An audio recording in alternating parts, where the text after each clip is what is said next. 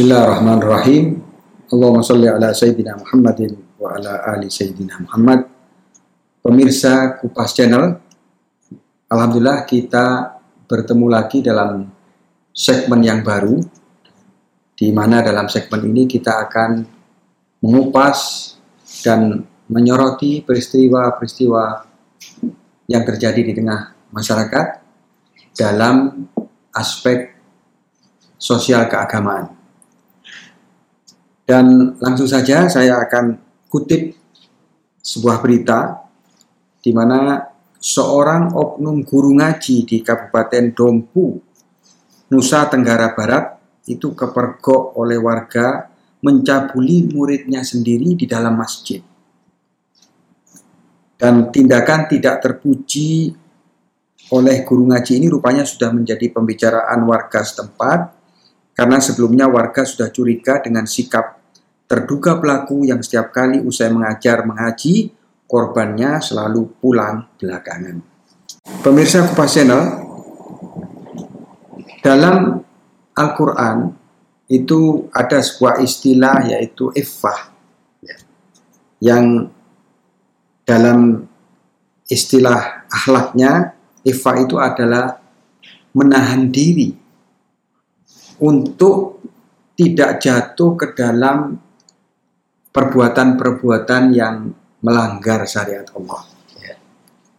Seperti melakukan pencabulan yang dilakukan oleh oknum tersebut tadi. Dan memang tujuan daripada perbuatan-perbuatan ini adalah ujung-ujungnya mencari kelezatan. Baik itu kelezatan materi atau non-materi. Dan guru ngaji ini mencari kelezatan seksual tentunya yang dilakukan terhadap muridnya sendiri. Padahal Al-Quran itu selalu menekankan kita seharusnya memiliki iffah itu, kekuatan pengendalian diri. Oleh karena itu, untuk lebih mengupas lebih luas lagi, eh, saya persilahkan Ustadz Musa mungkin mempunyai apa namanya pendapat soal hal ini. Ya, ya terima kasih. Assalamualaikum warahmatullahi wabarakatuh. Bismillahirrahmanirrahim.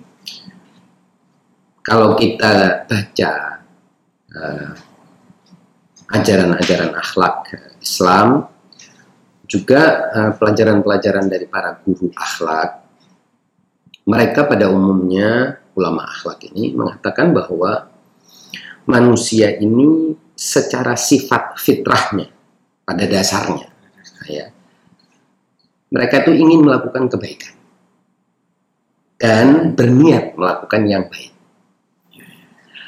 Hanya saja ada banyak kendala dia untuk melakukan yang baik. Di antara kendala yang disebutkan oleh para ahli akhlak atau ulama akhlak itu adalah kendala dalam pengetahuan. Jadi mereka umumnya yang terjebak dalam perbuatan buruk itu mengira bahwa mereka berbuat baik, padahal mereka berbuat buruk. Nah, pengetahuan manusia kalau dibiarkan sendirian tanpa bimbingan ilahi, mereka akan mengira bahwa perbuatan seperti yang dilakukan oleh oknum itu dia mengira itu baik. Maksudnya bagaimana? Maksudnya dia mengira dia sedang memenuhi kebutuhan nafsunya. Ya. Dia mengira bahwa dia punya kebutuhan yang bisa dia lampiaskan dengan cara seperti itu.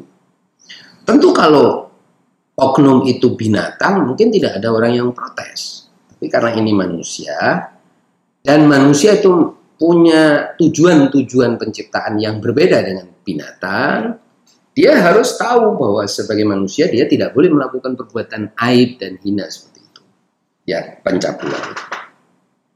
Maka Allah Subhanahu wa taala menurunkan syariat kepada manusia ini agar manusia itu bukan hanya berbuat yang baik untuk dirinya dan tubuhnya atau nafsunya, tetapi dia harus melakukan sesuatu yang lebih baik, yaitu jangan mencabuli orang, tetapi mintalah persetujuan dari orang yang akan berhubungan atau pasangan Anda. Ya ini perbuatan lebih baik daripada pencabulan atau pemerkosaan tentunya yang disebut suka sama suka. Tetapi agama tidak mau manusia hanya sampai di situ. Agama Allah Subhanahu wa taala ingin menarik manusia ke level yang lebih tinggi, yaitu melakukan perbuatan yang paling baik. Ahsan muamalah. Ahsan muamalah itu artinya perbuatan yang paling baik, yang paling layak bagi postur makhluk yang bernama manusia ini. Yaitu bukan hanya naudzubillah min dalik memperkosa yang tanpa persetujuan dari korban, tetap atau cuman sekedar suka sama suka, tetapi lebih daripada itu, dia untuk melakukan hubungan seksual itu tadi perlu persetujuan yang lain-lain. Acil ya. Jadi bukan hanya persetujuan antara dua individu, ya. tetapi persetujuan yang lain-lain. Siapa yang lain-lain itu? Orang tua dari masing-masing pasangan. Selain orang tua juga persetujuan itu dari kerabat hmm. dan kemudian juga masyarakat sekitar. Hmm. Bayangkan untuk melakukan suatu perbuatan yang sebetulnya dasarnya kan itu ada di dalam nafsu manusia. Hmm. Tapi Allah ingin manusia tuh ngupgrade dirinya supaya dia layak menyandang gelar sebagai manusia dan layak mendapatkan penghormatan dari Allah yang disebutkan di dalam Al-Qur'an walakat karramna bani Adam dan kami telah muliakan bani Adam dan juga hmm. layak men men menyandang gelar sebagai khalifah Allah di bumi. Artinya jangan sampai mereka manusia ini hanya melakukan sesuatu yang baik untuk dirinya, yaitu pelampiasan nafsu. Tetapi harus juga melihat siapa yang diajak uh, berhubungan itu tadi. Dia harus minta persetujuan dari yang berhubungan. Ah, tapi tidak cukup hanya itu. Bukan akad antara dua pasangan tidak cukup. Hmm. Tapi harus naik lagi ke level di mana perbuatan itu harus disetujui oleh masyarakat yang masyarakat lain, terutama sekitar. keluarga, terutama wali yang menjadi apa ayah atau orang tua atau wali atau masyarakat dan juga masyarakat sekitarnya. Nah, apa maksudnya?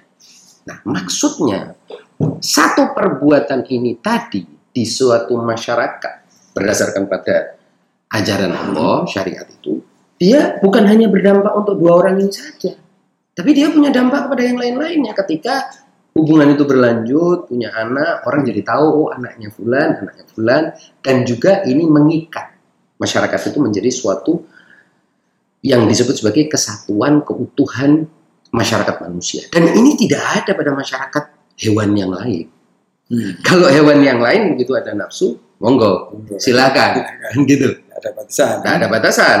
Ya. Dan tidak ada orang bilang pemerkosaan binatang terhadap binatang yang lain. Nah, tetapi untuk manusia karena dia memiliki status yang berbeda dengan binatang-binatang yang lain, dengan hewan-hewan yang lain, tidak cukup dia hanya melakukan sesuatu yang baik untuk dirinya. Hmm. Kan kalau kita analisis secara filosofis, ya.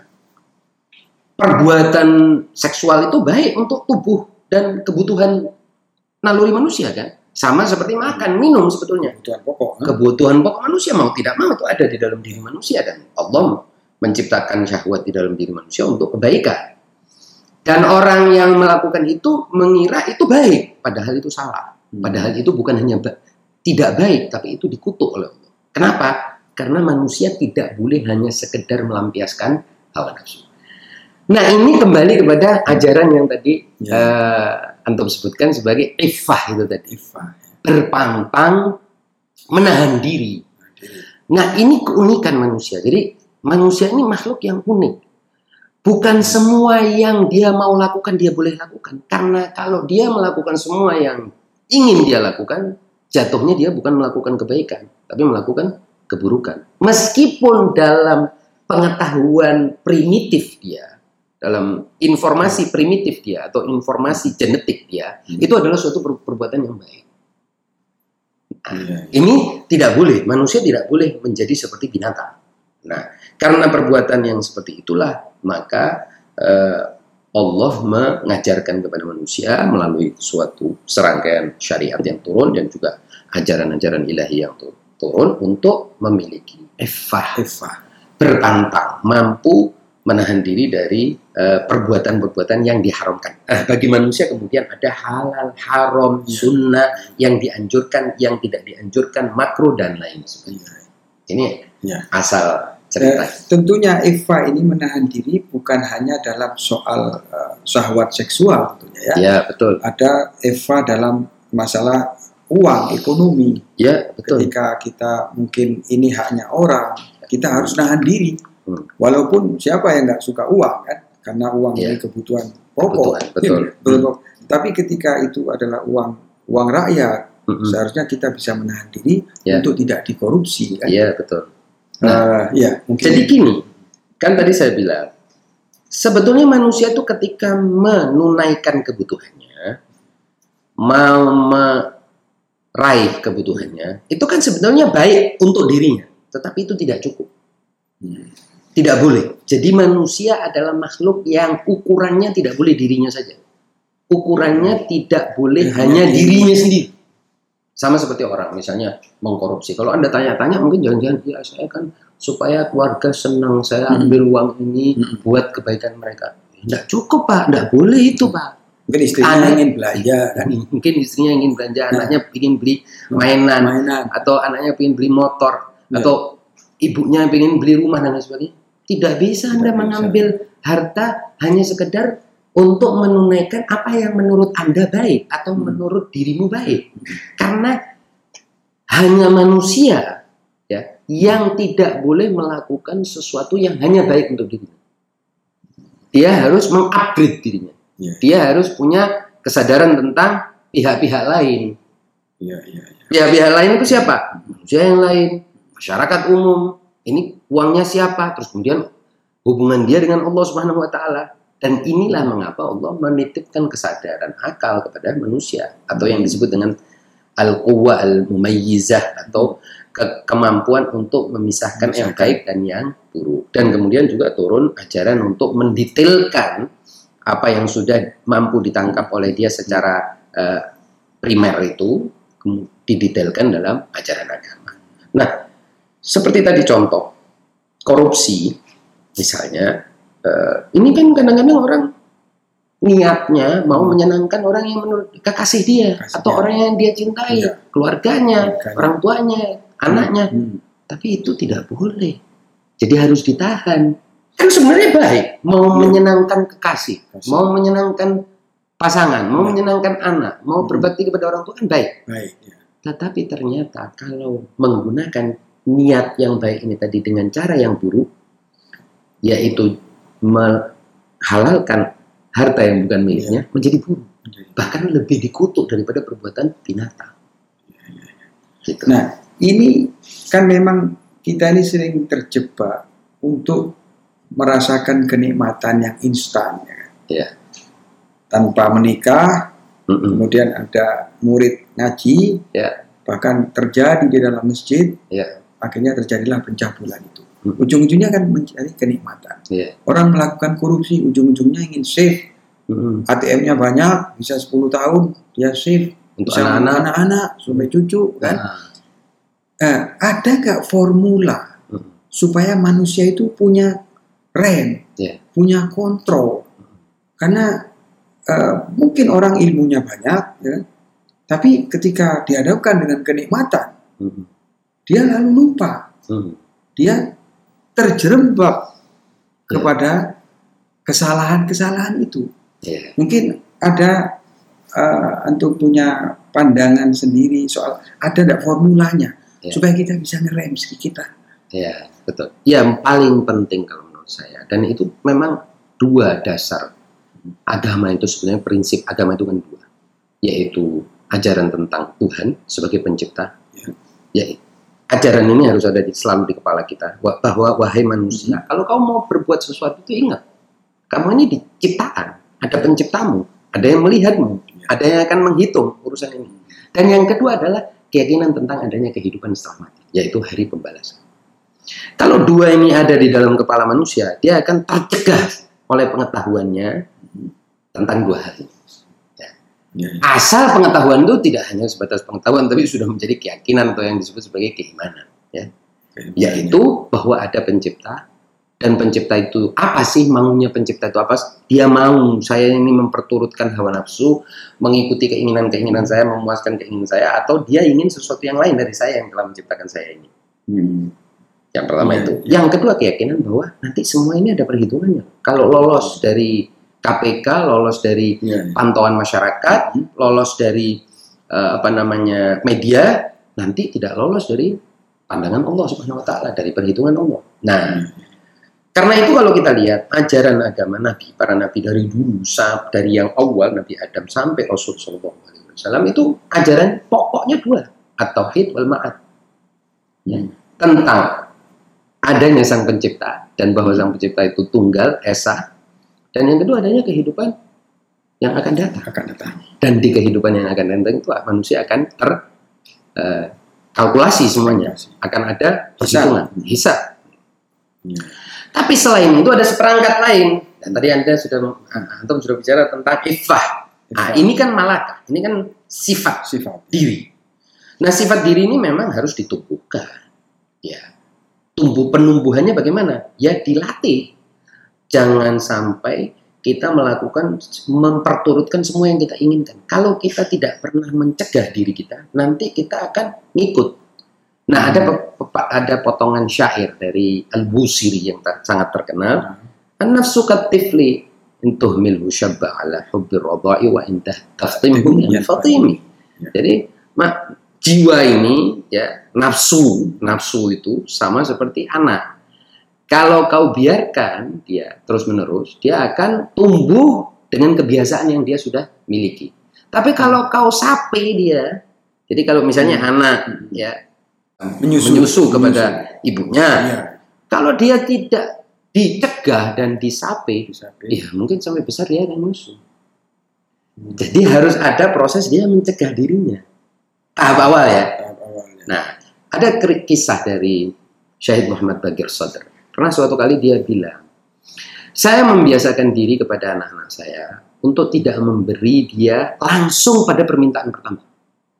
Menarik. Nah, jadi kalau anak saya itu pengen permen, maka saya biarkan dia meminta sekali, dua kali, tiga kali, empat kali, lima kali, baru saya kasih. Kemudian orang apa istrinya bertanya kenapa begitu? Dia bilang agar anak itu terbiasa menahan diri dari keinginan. Kalau dia nangis langsung dikasih, minta langsung dikasih, maka dia tidak akan pernah memiliki kemampuan untuk menahan diri. Jadi sudah minta dikasih, itu lama-lama Lama-lama dia bablas terus. Hanya orang bisa diambil. Ah, pokoknya dia setiap kali ada timbul keinginan, timbul impuls, ya, ada sebuah hasrat, Ya. langsung dia mau realisasikan, langsung dia mau. Jadi mungkin orang tua bisa Nah. mendidik anaknya dengan Iva mulai dari kecil. ya. Persis. Itu di satu sisi. Satu sisi. Di sisi lain kita baca misalnya eh, di dalam hadis-hadis disebutkan bahwa Allah idza ahballahu abdan ibdalah. Kalau Allah mencintai seorang hamba, Allah akan menguji. Artinya dikasih dia momen di mana dia akan belajar untuk menahan diri, belajar untuk mencegah dirinya dari keinginan dan juga salah satu bukti bahwa Allah mencintai hambanya adalah tidak semua doanya dikabulkan. Kalau doanya Hmm. dikabulkan dia tinggal bikin do- datang Ya. semuanya akhirnya dia menjadi manusia yang liar Iya. ya buas lama-lama setiap kali ingin dikasih setiap kali ingin dikasih akhirnya lama-lama buas nah ini juga perlu Hmm. kita tumbuhkan tumbuhkannya. Ya. Kemudian untuk apa supaya diskusi kita ini berkah, Hmm.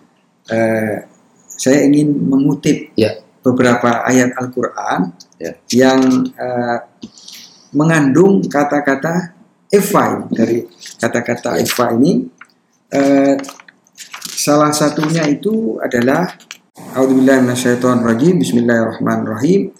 Lil fuqara'il ladzina uhsiru fi sabilillah la yastati'una darban fil ardi yahsabuhumul jahilu aghniya minat ta'affuf ta'rifuhum bisimahum la yas'alunna la yas'aluna an-nasa ilhafan wa ma tunfiqu min khairin fa innallaha bihi alim yang artinya apa yang kamu infakkan Hmm.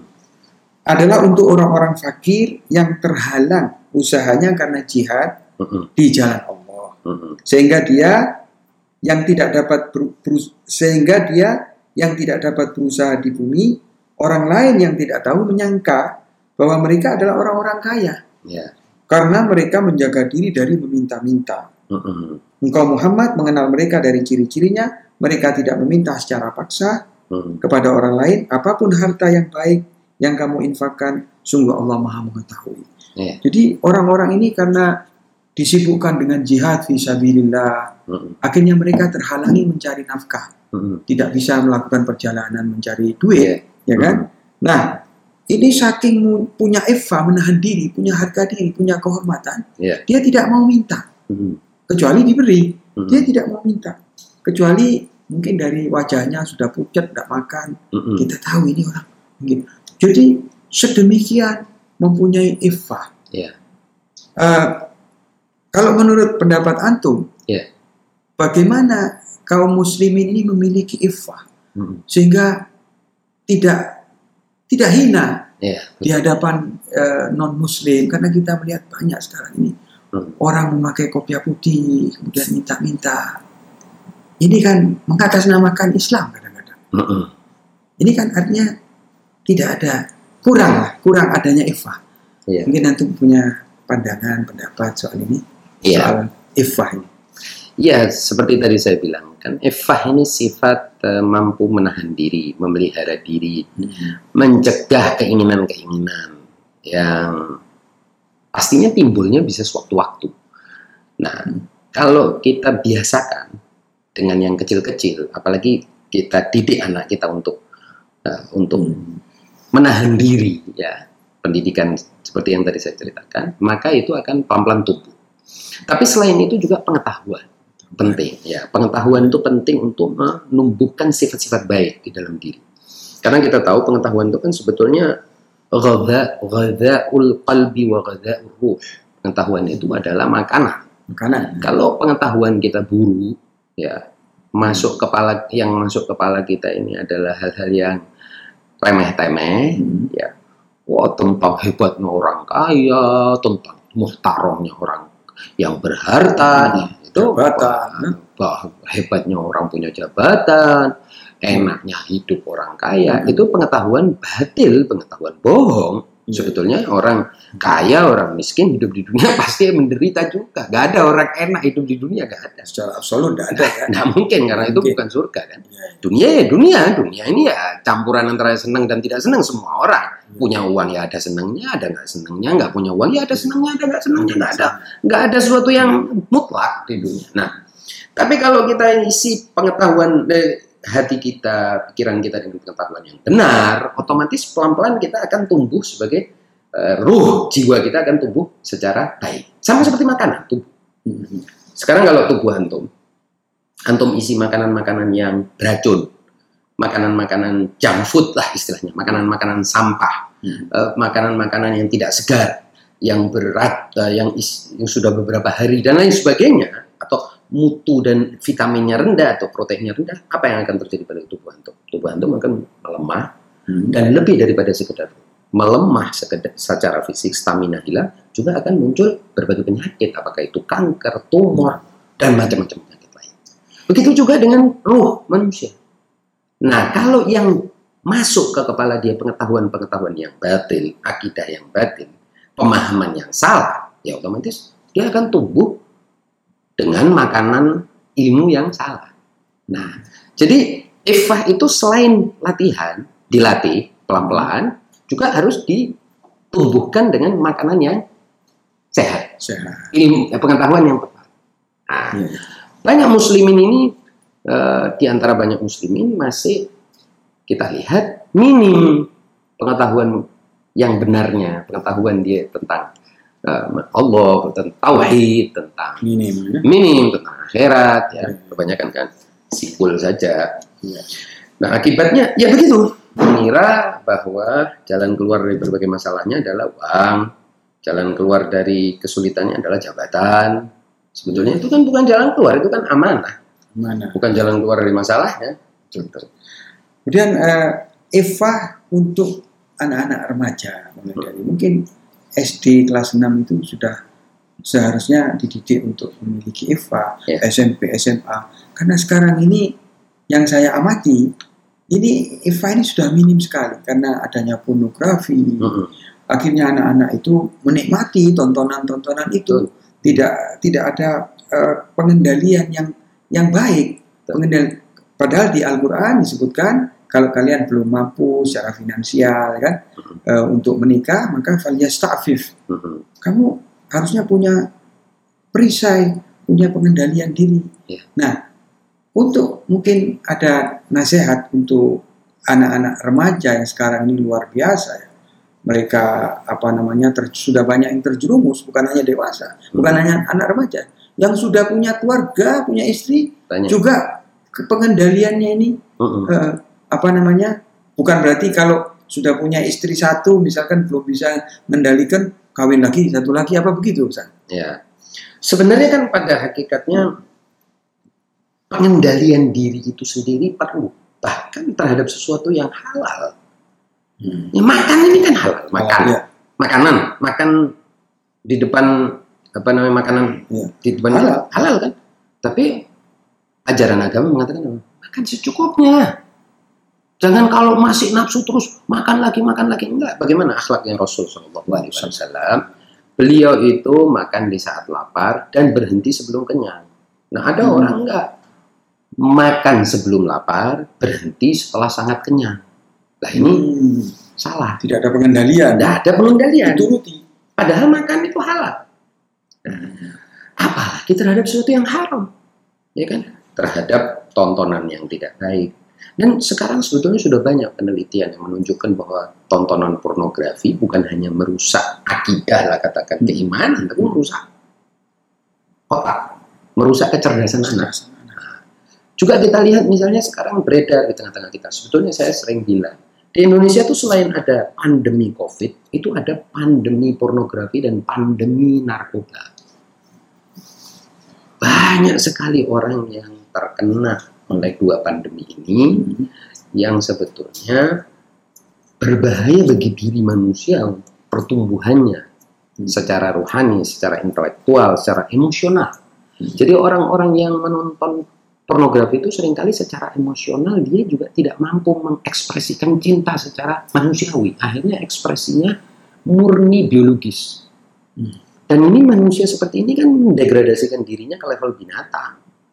Karena manusia ini ketika dia mau berhubungan dengan yang lain, itu bukan hanya secara fisik. Dia kan sebagai Secara manusia dia punya ekspresi Ekspresi kemanusiaan kemanusiaannya. cinta itu bukan semata-mata pelampiasan nafsu Hmm. yang di situ mungkin sebagian orang agak keliru memahami. Jadi kan sering kali diterjemahkan dari bahasa Inggris making love ya atau dalam bahasa Indonesia bercinta itu dikira berhubungan secara seksual.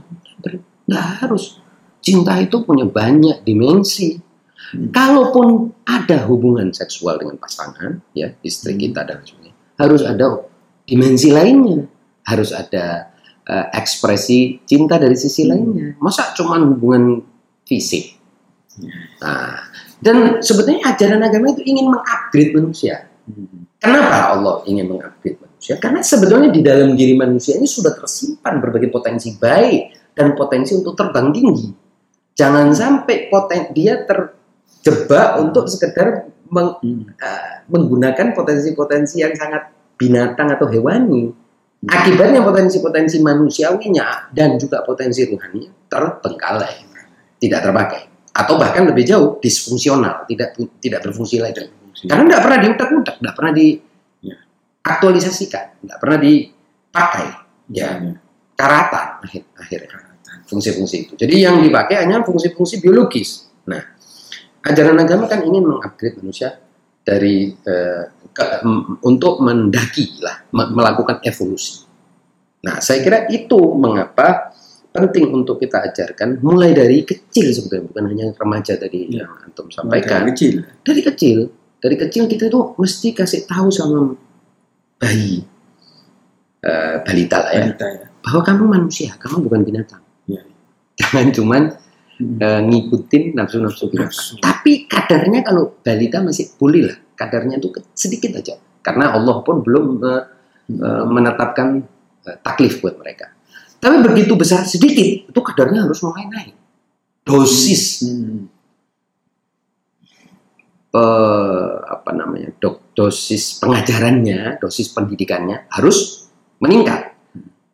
Nah, begitu juga kalau dia sudah semakin besar, dosisnya harus tinggi lagi. Tinggi lagi. Nah, supaya unsur-unsur atau dimensi kebinatangan manusia yang memang sudah ada dari sejak bayi itu tumbuh bersamaan dengan dimensi-dimensi lain manusia sehingga manusia itu tumbuh dewasa secara non fisik eh, secara non fisik sebagaimana tumbuh secara fisik.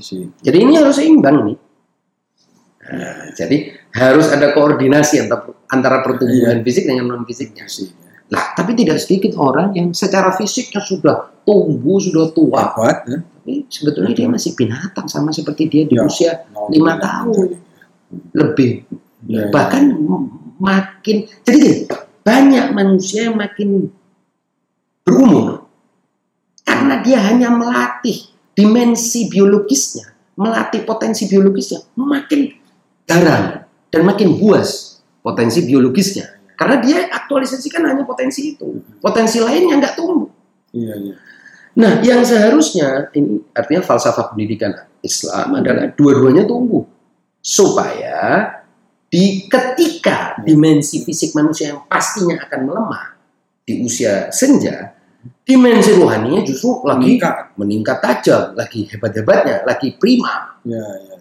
Nah, ketika dia wafat ke alam lain yang dibutuhkan di sana adalah dimensi non fisik dan dimensi rohani dibutuhkan, dia di sana jadi bintang, Jadi bintang. jadi star, jadi selebriti. Nah, Allah. dan dia siap menghadapi kehidupan yang akan datang. Kenapa? Karena sudah dilatih. Iya, iya. Nah, jangan dibalik prosesnya gitu. Ya. Saya teringat ayat Quran itu ada wa amma man khafa maqama rabbih wa nafsa hawa fa innal jan. Rewardnya itu adalah surga Ah, ketika memiliki Eva tadi Eva ya, pengendalian. pengendalian, ya. Pengendalian. Jadi eh, mungkin nggak ada salahnya kalau di sekolahan ya kan, bahkan di TK Iya. itu sudah ada semacam eh, warning. Ya. Kalau kamu ingin masuk surga, Mm-mm, mau dapat reward, mm-mm. kuncinya adalah Eva. Betul. Eva dan eh, terutama juga untuk eh, orang-orang yang mau masuk ke kabinet, mau Ah, ya. masuk ke DPR, ini eh, apa kualifikasi ya? Ya. Kualifikasinya ini Eva walaupun dia lulusan Amerika Mm, atau lulusan Inggris, Hmm. tapi kalau Eva-nya nilainya tiga, saya Hmm. kira Berbahaya. berbahaya nanti di Iya. DPR dia nanti kong kali kong, eh, Mm-mm. akhirnya uang rakyat lagi. Dia tamak malahan. rakus ya kan. Betul. Ini kita eh, mendengar dana yang untuk masyarakat memerlukan di saat pandemi ini juga diambil. Ya, Artinya kan IFA-nya belum. betul. Dia karena dia mengira itu hak dia. Nah, dia Ini problem. Jadi dia terlalu sering melampiaskan dimensi biologis. biologi. Jadi dia tidak pernah menggeser ini orientasi hidupnya. Di samping tadi saya bilang bahwa pendidikan itu memang harus dimulai dari dini. Tapi dosisnya kalau dari mulai muda itu dosisnya bisa kecil. Ya. Iya, iya. Nah, kalau sudah dewasa dia dosisnya harus tinggi.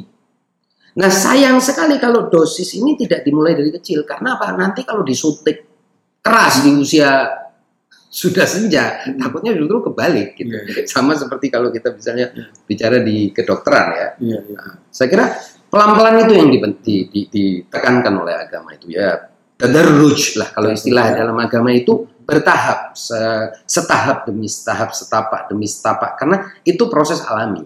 Tapi kalau langsung digenjot dengan di listrik eh, secara besar yaitu mul- apakah itu dengan dipenjara dengan sebagainya, Iya. belum tentu dia berubah. Belum tentu manusia berubah. Ya misalnya koruptor-koruptor ini kan Iya. banyak yang dipenjara Iya, betul. belum tentu berubah karena itu justru akan dia menjustifikasi dirinya wah saya ini begini sebetulnya ini bukan saya wah setan sudah terlalu masuk di dalam pikiran dia jadi dia hanya akan melakukan pembenaran Jadi kalau saya mau eh, boleh simpulkan Ya. untuk kemajuan bangsa ke depan ini Ya. perlu terutama elit-elit Mm-mm. itu meningkatkan eh, volume Eva-nya. Mm-mm. Volume Eva-nya akan menjadi Indonesia yang jaya Ya.